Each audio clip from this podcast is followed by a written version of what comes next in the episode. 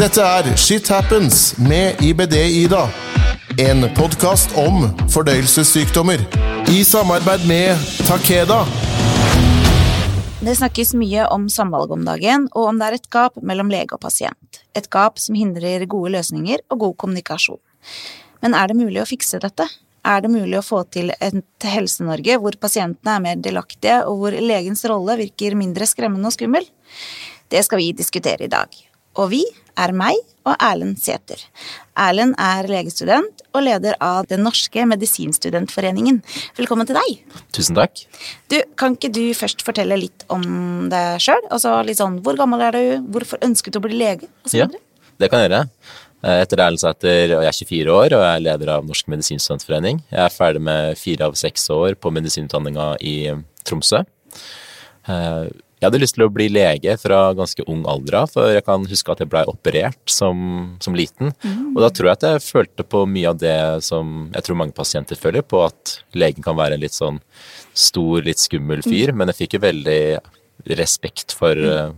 for han, da. Og kunne tenke meg å bli litt som han og kunne kurere andre. Ja. Og så merka jeg jo at eh, da jeg gikk på ungdomsskolen og videregående, at jeg var interessert i biologi og realfag og matte og sånne ting. Og så tenkte jeg at det hadde kanskje vært litt kult å, å bli lege, og kunne Stilig. bli like kul da som han ja, som opererte ikke meg. sant. Mm. Kult, kult, kult. Du, uh, før vi starter så kan vi jo si at vi har møttes før. Uh, vi var begge deltakere i en paneldebatt hvor vi diskuterte samvalg. Uh, litt om hvordan det fungerer nå, og hvordan det kanskje bør fungere. At dette var en engasjerende debatt, var det jo ikke noe tvil om. Og jeg har veldig lyst til å fortsette den samtalen som vi hadde, eh, og det er jo grunnen til at vi sitter her i dag. Aller først, samvalg. Et ord som eh, dessverre kanskje skaper litt lite engasjement hos mange pasienter, i hvert fall. Tror du egentlig oss, eh, oss vanlige, da, eh, at kanskje ikke vi forstår helt hva det betyr? Det kan være, men jeg tror også mange leger i dagens samfunn heller ikke er helt sikre på hva det er, fordi man kanskje lærte ikke så mye om det på medisinstudiet. Men eh, i hvert fall sånn jeg forstår samvalg, så er det jo at man det skal ikke ta sånne beslutninger om meg uten meg. Mm. Og det skal følges så godt det lar seg gjøre. Men føler du at, eller tror du, er mer riktig ordet, at det blir eh, godt nok informert om den uh, rettigheten? Altså, Nei, det, det tror jeg nok ikke.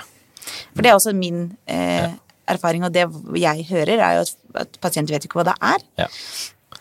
Og jeg tror virkelig at det er kjempevanskelig å være lege da. Økonomien til norsk sykehus er eh, stramt som aldri før. Ledelsen har eh, klare retningslinjer om hvilke medisiner som de ønsker skal brukes, eh, i forhold til billigst, ikke sant, og dette her. Eh, og dere som er leger da, blir jo ofte sittende litt sånn mellom barken og venn. Mm. for foran dere så sitter det kanskje en pasient som dere absolutt i, veldig gjerne skulle gitt en dyr medisin, for dere vet at den kanskje er den som hadde fungert best, eh, men som ledelsen sier nei til. Jeg har hørt om leger som faktisk sier opp jobbene sine fordi de føler økonomi har blitt viktigere enn pasientenes livskvalitet. Eh, Hva tenker du om dette? Ja. Jeg tror du er mye rett i det du sier. Vi som skal bli leger og, og er leger, er, har vært veldig pliktoppfyllende folk kanskje hele livet sitt, der man ønsker å gjøre så godt som mulig, ja, gjør, prøver å være veldig snill og grei, og når man veit hvor mye forskning som ligger bak å finne disse medisinene, og hvor mye hardt arbeid som ligger bak det, og så sitter det en pasient som har et enormt behov for den medisinen, og det å få beskjed om at nei, dessverre, den, den kan ikke du gi til, til denne pasienten, det, det gjør vondt. Og når du blir møtt med det kanskje flere dag, ganger i løpet av en arbeidsuke, så kan det være veldig demotiverende, og jeg tror mange leger går så f kjenner på kanskje en klump i magen, for man tenker på pasientene som dette kunne vært, vært bra for. Så vi, vi håper jo at det blir prioritert mer eh, penger til helse i framtida. Eh, samtidig så er det jo alltid en sånn ressursavveining man må gjøre. For det er noen medisiner som er kjempedyre, Ja. og som ikke kan gi alle sammen. Så, så det, det må til en viss grad så må det jo være en sånn balanse. Men så mener jo vi at vi i Norge, som er kanskje verdens rikeste land per pers, så må vi prioritere mer penger til at vi har det bra, da vi innbyggerne her i landet.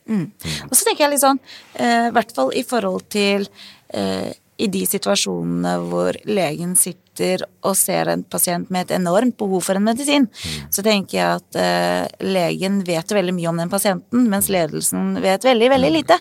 Og i de situasjonene så tenker jeg at der burde legen ha, ha på en måte vetoretten ved å si at her er det det som er best. Eh, ikke bare for eh, pasienten der og da, men jeg tenker sånn langsiktig sett også. For ja, vi kan godt sitte og se, se økonomien til norsk, det norske sykehuset eh, bare under ett, men hvis vi ser hele greia, så kan jo det å ikke gi den pasienten den medisinen føre til at den pasienten kanskje ikke klarer å jobbe, mm. sykemeldt lenge, kanskje i verste fall ender å bli ufør. Da snakker vi om at det koster mange penger. Ja. Så det er noe med det er å se litt lenger enn enn bare det medisin... Eller bare det sykehuset, og selv litt hele AS Norge, da. Ja. Um, og det tror jeg er en stor frustrasjon for pasienter òg. Ja. Um, Ja. Og eh, leger og sånt følger på den frustrasjonen, fordi det er akkurat som du sier, man kan ikke bare se på syke, sykehusøkonomien når man eh, tar disse valgene.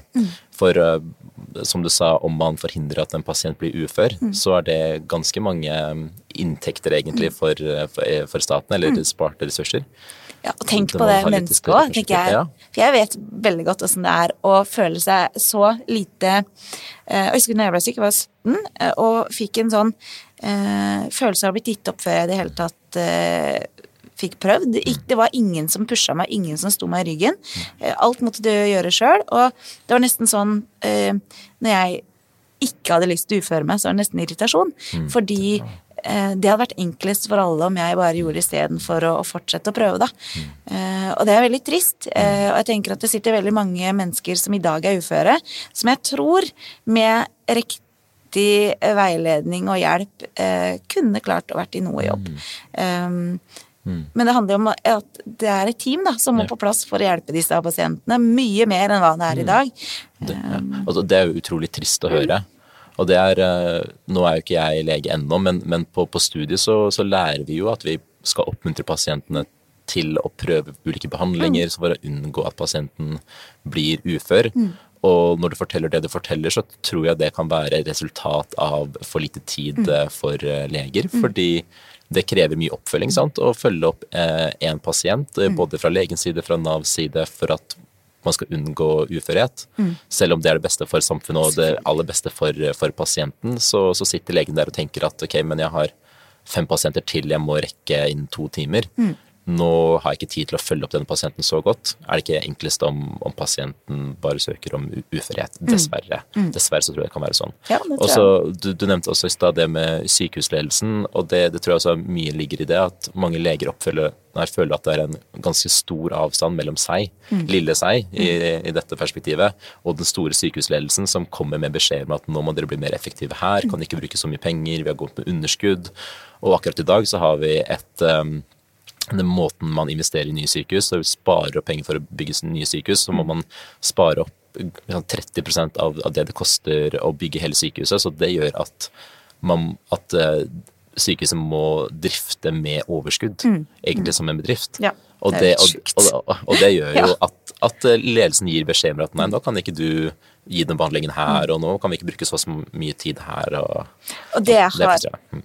fått høre litt, er jo eh, Er du en eh, Det er litt fælt, fælt å si, men er du en, en overlege da, som er godt respektert, og som har på en måte jobba lenge i faget og har på en måte blitt en eh, et, en person som ledelse kjenner godt til, da, så eh, har de lettere for å sette bein og si at dette finner jeg meg ikke i, enn om du er en helt ny eh, lege da, som har jobba bare bitte litt, eh, og at de ofte føler at han, hvis jeg sier ifra om dette her, så kan det gå på bekostning av min jobb. Ja. Eh, og det er jo kjempetrist. Ja. Eh, og at det skal være så stor forskjell på om du er overlege. Har du overlege, er du overlege, så har du på en måte rett til å stå mer på for pasientene dine. Og da betyr det jo igjen at det handler om eh, flaks eller uflaks for pasienten, på om du får en lege som er eh, overlege og godt kjent, eller om du får en som kan være, gjøre vel så god jobb, men som bare på en måte har jobba noen år, da. Ja, det tror jeg mange um, yngre leger, som vi kaller dem, um, føler på, eller leger i- spesialisering. spesialisering. Der eh, de må Det kan ofte være sånn at eh, de, um, de må spesialisere seg i fem år. og så må de søke på en overlegestilling. Men ofte så er det ikke nok overlegestillinger på en avdeling. Og da må de oppføre seg, føler de, på en måte som alltid på en måte blidgjør ledelsen for at de skal vise seg fra en god side. Og det gjør også jeg, Norsk medisinstudentforening, vi er en del av Legeforeningen, som er fagforeningen for leger. Og det vi hører mye om der òg, er jo at det er yngre leger som ikke tør å skrive overtid og, og sånne ting, fordi de vil blidgjøre ledelsen. Og det tror jeg absolutt også kan spille inn når det gjelder det med å stå litt opp for um, at pasientene skal få rett til behandling på, ja, når det går på økonomi, men ja, når man er en trygg overlege som har en fast stilling, og da har man ganske gode rettigheter, som er, som er veldig bra, Ja. og at man da kan tørre mer også si at ja, det her, eh, det her finner jeg meg ikke i, at pasienten min ikke får det her. Og på en måte være, være litt mer, litt mer på- Tydelig, ja. Litt mer tydelig. Mm. En av de tinga som vi snakka om i debatten, var hvordan den frykten pasienten ofte har for legen, og hvordan den kan eh, ødelegge for ærlig og god kommunikasjon. Eh, En redsel og en respekt, vil jeg si, som vi mennesker kanskje har bygd opp gjennom århundrer. Dette er jo snakk om noe som har skjedd over tid, men langt, langt tilbake. Um, Tror du det i det hele tatt er mulig å få bort den frykten? På sikt så, og, og jeg tror vi er på vei mot et bedre nivå nå enn det det var før. Um, men det var jo, for å gå tilbake til det jeg sa helt på starten, så var det den frykten jeg også følte på da jeg ble operert eh, som liten, at uh, da var det en, et menneske som, som skulle skjære i meg. Og da må man ha ganske stor respekt og, og litt sånn redsel nesten for, for dette mennesket og, og an anerkjennelse. Men så håper jeg da at vi kommer til et nivå der man ikke føler på en redsel når man snakker med legen, at man fortsatt opplever at det er en, et, en respektert eh, person, men, eh, men at man ikke er redd for å si det man faktisk føler på.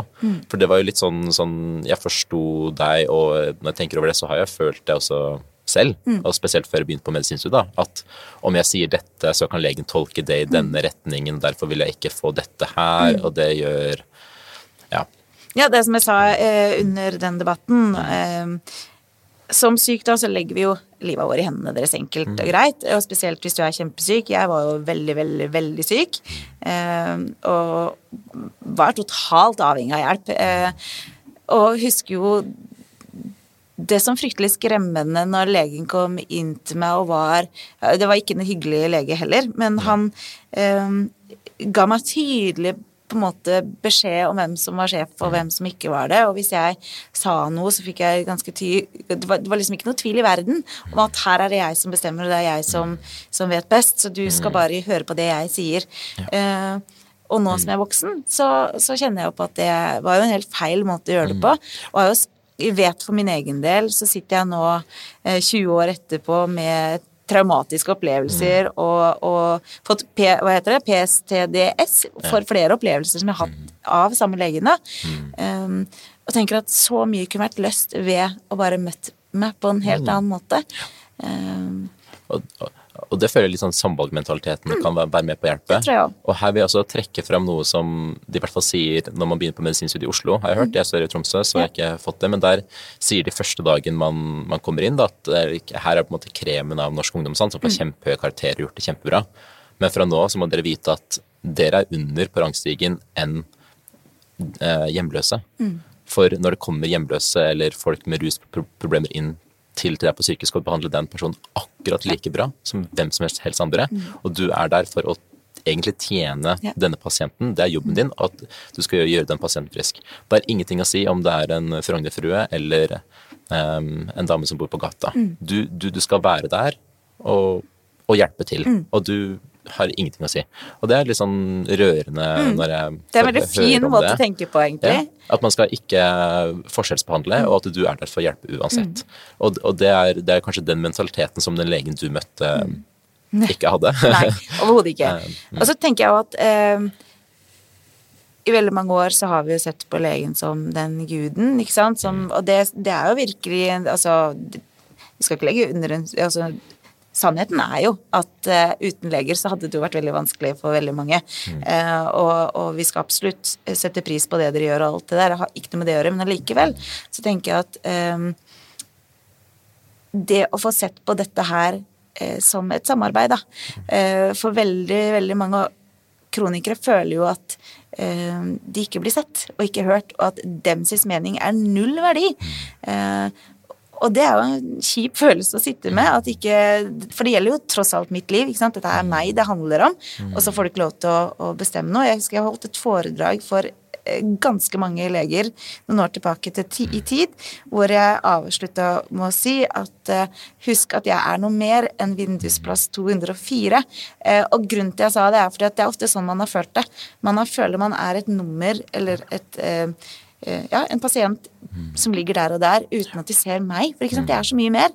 Um, og det tror jeg kunne vært lønnsomt Ja. for legene, at de faktisk blei kjent. Ja.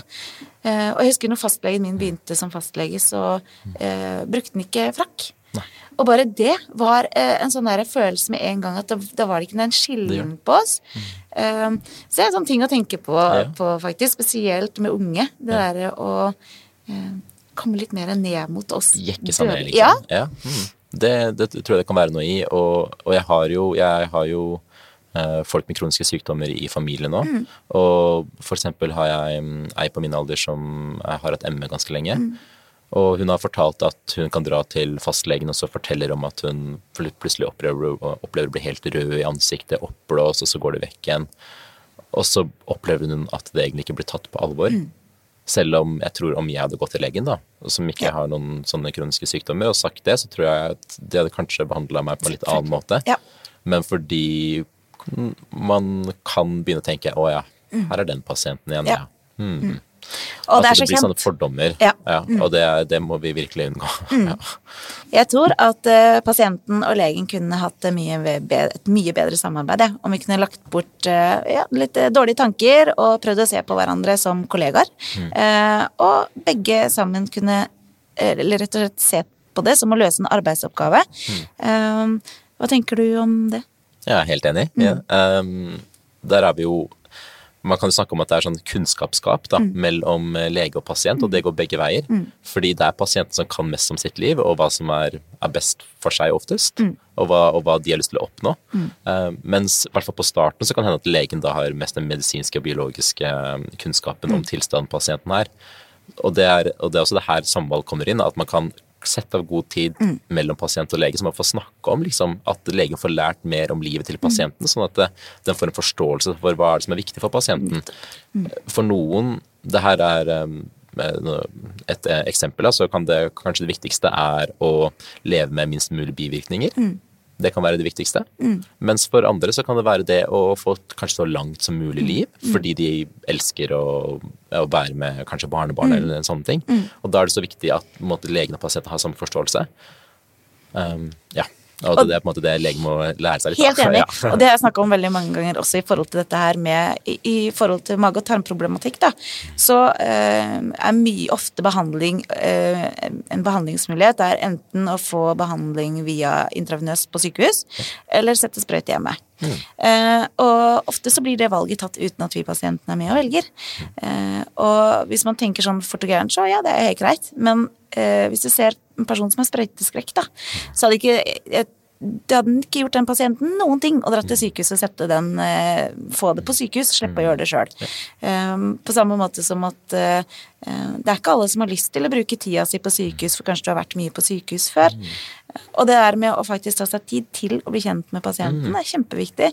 Og så hørte jeg også om en som mm, ble satt på en, en medisin eh, som gjorde Altså, personen kunne ikke være ute i, i sollys, og så helst så lite som mulig. Mm. Det legen ikke hadde fått med seg, selv om personen hadde sittet og sagt det til den ansikt til ansikt, var at personen bodde halve eh, året i Spania.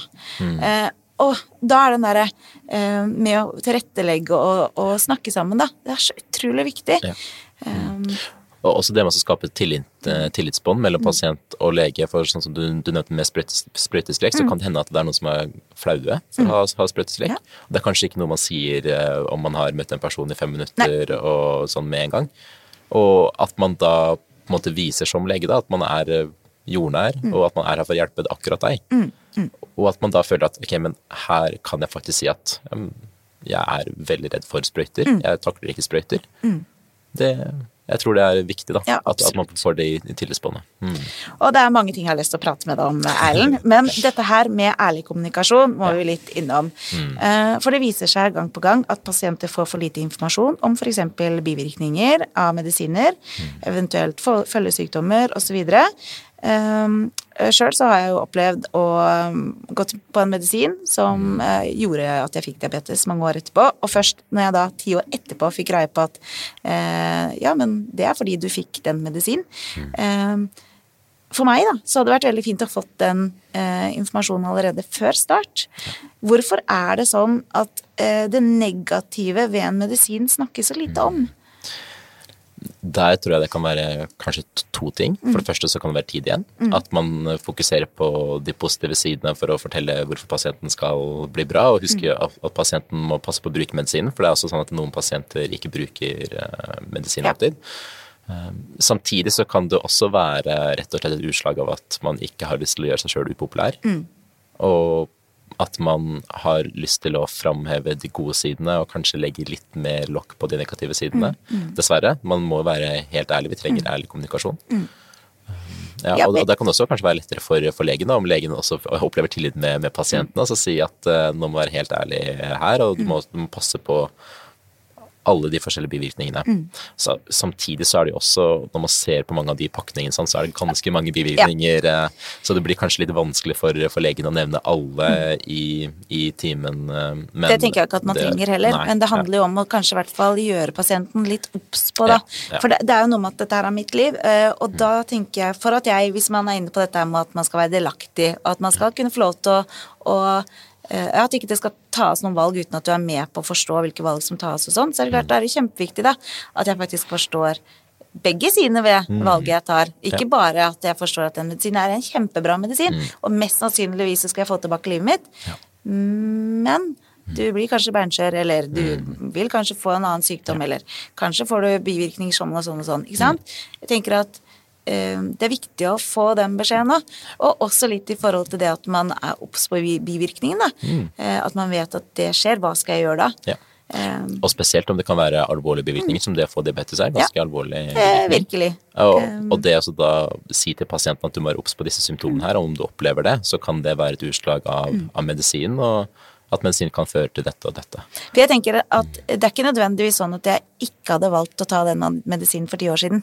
Eh, selv om jeg hadde fått greie på at det hadde vært en mulighet. Men jeg tror det hadde vært lettere for meg å akseptere det i dag. Mm. Hadde jeg visst at jeg hadde vært med og tatt valget. Ja. Jeg føler det veldig urettferdig at jeg ble tatt et valg om, som har så stor konsekvens over mitt liv, da, uten at jeg fikk lov til å delta i valget, på en måte. Vi må også snakke litt mer om noe annet rundt dette her med kommunikasjon. For eh, om du spør pårørende da, og mm. syke om de føler at de får god informasjon om sykdommen, så vil jeg tro at sånn ca. 80 sier nei, eh, og kanskje ikke mer også. Mm. Men spør vi legene, så mener nok de aller fleste at de gir god informasjon. Hva tenker du er grunnen til dette? Nå har jeg ikke sett undersøkelsen da, om legene føler, føler på det. Um, grunnen til det det tror jeg også kan være forskjellige årsaker. Um, noen ganger så kan, man, så kan legen kanskje glemme litt mm. at pasienten har nære pårørende, og ikke kalle det inn til timen. Andre ganger så kan det også hende at kanskje det kan være mest komfortabelt i situasjonen, kan noen tenke. At, uh, at det er uten uh, pårørende. Men jeg tenker det aller viktigste er når man får alvorlige beskjeder å ha pårørende med, og det er noe vi lærer på studiet. Mm at der må man ha med pårørende. For spesielt når man får alvorlige livsendrende beskjeder fra legen, så husker pasienten selv ofte veldig, veldig lite fra det. Mm. Um, noen sier at det bare har gått i svart for dem, mm. mens der er det ekstremt viktig å ha med pårørende mm. som, som, faktisk kan gjenta det viktigste legen har sagt. Mm. Og også er det jo pårørende som gjør oppfølgingen for det aller, aller meste. Legen mm. treffer det kanskje en gang i måneden, mm. mens pårørende er der uh, alltid. Ja. Og når det kommer til barn, så er det jo der må man jo ha med, med foreldre. Og så er det jo også en sånn glidende overgang, sant. Mm.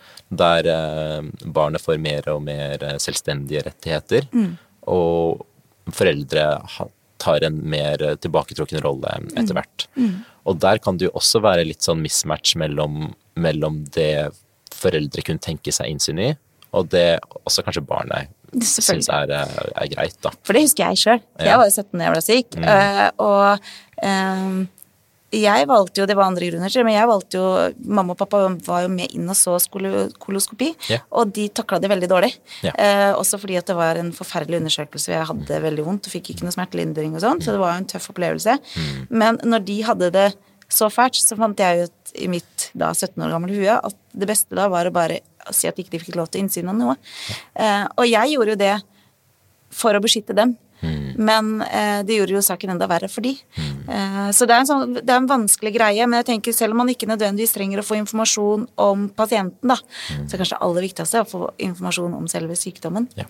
Men jeg har lyst til å si litt hva jeg tenker er årsaken til akkurat dette her. Fordi jeg har tenkt mye på dette her med at, at leger kanskje tror de gir bedre informasjon enn hva vi og våre pårørende føler vi får. For jeg tror at leger er gode på å gi fakta, eh, men de er gode på å gi fakta om sykdommen. Eh, mens den syke kanskje ikke er så fullt opptatt av nettopp det. For de vil jo vite eh, hvordan skal jeg leve livet mitt med sykdommen. De har lyst til å vite hva kan jeg spise, eh, må jeg opereres, hvilke medisiner må jeg gå på? Hva, hva vil det medisinene bety for meg? ikke sant? Er det arvelig? Kan jeg få barn? Eh, kan jeg stå i jobb? Det er de tinga som pasienten eh, lurer på. Og det sier eh, legene svært lite om. Ja. Og det tror jeg kan være en av grunnene til at eh, dere føler gir masse informasjon, Ja. dere. Men kanskje ikke nødvendigvis over det vi trenger svar om. Eh, så det har vært litt sånn, ja. Vi lærer masse på studiet om hva som er årsaken til at sykdommen oppstår, hva som skjer i kroppen, alle cellene som er involvert, immunsystemet, sånne ting. Det er, det er jo det vi, vi lærer, og det er jo vi, vi lærer jo om det for å finne behandling på det, sant. Um, men jeg tror det er helt riktig som, som du sier, at om, om jeg også skulle fått en sykdom sånn, så vil jo jeg vite hvilke konsekvenser det har for mitt liv. Praktiske ting. Men det er ikke det vi fokuserer mest om på Nei. studiet. Men jeg føler at, at vi får mer og mer om det. At vi blir mer og mer moderne da, i medisinutdanningen. Ja, og Der det man- klapper vi for. De får mer info. Ja. Ja, det er kjempeviktig. Men hvorfor er det så vanskelig da for leger på tvers av avdelinger å samarbeide? For det fikk jeg nemlig noe spørsmål om. Eh, er det riktig at pasienter skal være mellommann? Det er ikke riktig. Det er, sånn burde det ikke være. Men ofte så kan det oppstå litt sånn konflikter mellom avdelinger, faktisk. Mm. fordi de mange avdelinger, det er en Sykehusøkonomi er, ligger til grunn for alt det er. Og, og der man eh, tenker at ja, men den pasienten her passer egentlig ikke mye på min avdeling. Fordi man har lyst til å ikke bruke så mye penger, rett og slett. Og dermed så sier man ja, men den pasienten her passer mye bedre på din avdeling. Kan ikke den gå til deg? Og så sier legen der at nei, nei, nei, det her er jo åpenbart ikke min pasient. Denne går til deg. Og så, altså, og så, og så på en måte sitter man, man der eh, litt som mellommann. Det har jeg jo sett mange ganger, jeg er ikke lege ennå, men jeg har jo opplevd det at eh, en, en, en tredje lege da, eller liksom skal legge inn en pasient, og så spør han nei, passer det her på kirurgisk, kirurgisk avdeling? Nei, det var nok mest sannsynlig noe indremedisinsk som var årsaken til, til dette. Så ringer man til indremedisinsk avdeling. Nei, hørtes ut som pasienten slo seg. Så dette må til kirurgisk avdeling. Um, og der um, og så sitter man der, da. Så, og så sitter legen som har pasienten foran seg, kanskje på legevakta, og tenker ja, hva gjør man da? Og, og det er jo aller verst for, for pasienten som ligger der og ikke kommer seg inn på sykehuset, for de finner ikke riktig avdeling, selv om pasienten åpenbart har uh, behov for sykehushjelp. Mm. Vi tenker at det er veldig fint å få litt innsikt i akkurat dette her, for det er jo ting som en som pasient ikke vet noen ting om. Så det å få litt forståelse av hva som eh, skjer bak eh, ryggen deres igjen, da, eh, tror jeg er veldig fint, da. Men eh, dette er, vi har snakka litt om det, dette med at pårørende er en viktig brikke. Eh, jeg mener jo at eh, pårørende kanskje heller ikke får den oppfølginga de burde hatt. Vi var litt inne på det i forhold til at ikke de får god nok informasjon, men jeg tenker selv om man har Jeg tenker sånn, når jeg fikk diabetes, da, enkeltting som påvirker familien vår veldig, eh, så måtte jeg si til hun sykepleieren som fulgte oss opp, at jeg vil at barna mine skal lære om dette her. Ikke bare at jeg skal fortelle om det, men eh, dette er så viktig for min Altså hvis jeg detter om, da, eh, da vil jeg at barna mine skal være trygge nok til å kunne stå i den situasjonen. Og hun bare Å, ja. Ja, nei, det, det var en fin tanke, men nå, det må jeg undersøke litt. Eh, og for meg så er det så vanskelig å tenke på at vi skal være der nå i 2023. Det burde være en helt naturlig ting at barna til en diabetiker skulle fått opplæring i sånne ting, da. Eller at mannen til, ikke sant. Hvorfor er det blitt sånn, da? Hvorfor er det sånn? Vi har- det blitt sånn. Ja, hvorfor er vi? Ikke blitt sånn. Hvorfor er det sånn? Ja. Nei, det er eh, det, Jeg er jo helt enig, det burde jo være eh, opplæring, og spesielt med diabetes, som, ja, der man kan få alvorlige konsekvenser, så må alle som oppbevares rundt denne personen regelmessig, få god nok undervisning i det. Og jeg håper virkelig at det blir bedre, men det kan fort hende at det er sykehusøkonomi igjen som er eh, årsaken. At de har ikke tid til å sette opp så mange diabetessykepleiere til å gi undervisning. Og det er helt forferdelig om det er sånn, men det er bare min spekulasjon da, til hvorfor, Ja, ja, ja, hvorfor vi har opp der. ja. Mm. Nå har vi jo snakka en god del og om eh, ting jeg ønsker å vite. Eh, men eh, hva er ditt ønske om eh, som framtidig lege, da? Sånn hva, hva jeg tenker å Ja, hva- bli, liksom. ja. Ja, eh, jeg eh, Akkurat nå så kunne jeg tenke meg å bli noe som heter medisinsk genetiker. Mm. eh, som er en lege som jobber med genetiske tilstander, som jeg syns er veldig spennende. Og Kult. Mm. mange sjeldne tilstander. Men det jeg, det jeg ser fram til der, er at eh, de legene i dag får ganske god tid med pasientene. Der andre Mm. leger ja, må skynde seg fra pasient til pasient, så får man ofte satt opp eh, kanskje 90 minutter Mm. til å ha konsultasjon med ja, da gjerne en familie, da, siden det er arvelige tilstander som oftest. Og det, det ser jeg fram til. Samtidig så ser jeg fram til å kanskje kunne være en støtte og, eh, til personer som har det utrolig, utrolig vanskelig. Kanskje har fått sitt livs verste beskjed. Og det er eh, ja, det virker givende å kunne prøve å være en slags bauta i, i deres liv og, og, og forklare ja, litt mer om, om hva vi kan tilby dem av hjelp, og at, eh, at vi er der for dem. Jeg må jo si at eh, jeg har hatt mange leger i mitt liv. Eh, og når jeg fikk fastlegen enn han jeg har i dag, eh, så forsto jeg hvor viktig eh, en god fastlege eller en god lege faktisk er, da. Eh, og jeg får ikke sagt det nok ofte til han heller, hvor, hvor viktig han er, ikke bare i mitt liv, men i familien vår sitt liv. Fordi det å ha den som du vet Sånn som når jeg fødte mitt siste barn, så var han på ferie, og han ringte for å spørre om hvordan det hadde gått. Eh, det at du vet at er det noe som skjer, så er han der for deg. Eh, og ikke bare for deg, men for barna dine og for mannen din. Og jeg er så takknemlig for at de fins, de legene, og så skulle jeg ønske det var enda flere som hadde det sånn. Ja, og da tenker jeg det er kjempebra at vi har den samtalen her, men også at vi får involvert um, pasienter i undervisning av medisinstudenter. Oh, og det har vi, um, i hvert fall da jeg studerer i Tromsø, så er det jo det mest kjent, da, men der har vi f.eks. personer som er født med mm, hjertefeil eller har kols, og forteller om hvordan de opplever det, og det er jo de historiene som gir mest inntrykk, for Ja. da er det et menneske foran deg som liksom forteller om det de opplever i møte med helsevesenet, og også hva, hva de føler bare med å, å leve med sykdommer, og fortelle hvor, hvor frustrerende det kan være, og også få frem det til helsepersonell. Og der, eh, der tror jeg vi må samarbeide enda mer, med at vi, at vi kanskje får inn, inn um, nesten alle tilstander som vi lærer om, om på studiet. Jeg tror det kan være veien å gå også. Ja, eller er, kanskje man skal få til alle, for vi lærer kjempemange tilstander, men kanskje i hvert fall ha på en måte én pasient da, innenfor um, eh, som har mage-tarmsykdom, og en pasient som har en, en nevrologisk hjernesykdom. Og at de ja, liksom sier sånn her er livet mitt, og hva er viktig for meg. Og, og så- Ja, sånn sånn, som at dere får lov til å stille spørsmål. Ja, spørsmål ja, ja. For jeg tenker at dere kan lære utrolig mye av å snakke med en kroniker, eh, og som har levd med en sykdom over lang tid. Og jeg tenker at her er det um, Det er nyttig for dere òg, ikke sant? Eh, og kan gjøre dere til en bedre lege. Og så kan det igjen gjøre uh, framtida til eh, oss kronikere bedre. Mm.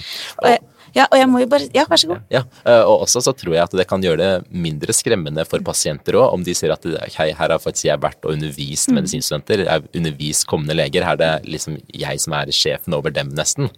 At det også kanskje er med på å så, eh, ja, få oss på et likere nivå, da, der man som eh, pasient med kronisk sykdom er på samme nivå som leger. Jeg ser den, altså. Og jeg må jo si at bare det å prate sånn som vi gjør i dag, er et lite skritt i riktig retning. Og jeg tror at eh, fremtidens helse kan bli mye bedre om vi som pasienter og dere som behandlere og leger begynner å prate med hverandre om hva vi kan gjøre for hverandre. Um, du snakka jo også om dette her med å møte pasienter under legeutdannelsen. Jeg tror det er kjempeviktig at eh, det blir gjort mye mer. Takk for at du tok deg tid til å komme hit til meg da, Ellen. Kanskje er det på tide å slutte å gå på hver vår sti slik norsk helsevesen og pasienter har gjort i årevis. Vi må våge å møtes, vi må våge å prate om det som ikke fungerer, og ikke minst våge å se framover mot fremtiden. For dere medisinstudenter er fremtidens leger. Og dere skal være med på å revolusjonere norsk helsevesen. Og det er jeg helt sikker på at dere kommer til å gjøre også. Det var jobb, jeg. Takk for åpenheten og modigheten og klokheten din, Erlend. Tusen takk, og tusen takk for eh, anledningen til å være med her, Ida. Åpenhet det gir kunnskap, og kunnskap det gir trygghet. Om du som hører på har spørsmål til dagens episode, ris eller ros, ønske om tema, tips til gjest, eller kanskje ønsker å dele din historie, så send meg mail på ibd-ida alfakrølloutlock.com. Du finner meg på Facebook som ibd-ida, på Instagram som shithappens med understrek med ibd-ida, og på TikTok som ibd-ida. Til vi høres igjen, om du ønsker forandring, må man være med og villig til å forandre noe hos deg selv også. Du hørte Shit Happens med IBD-Ida. En podkast om fordøyelsessykdommer. I samarbeid med Takeda.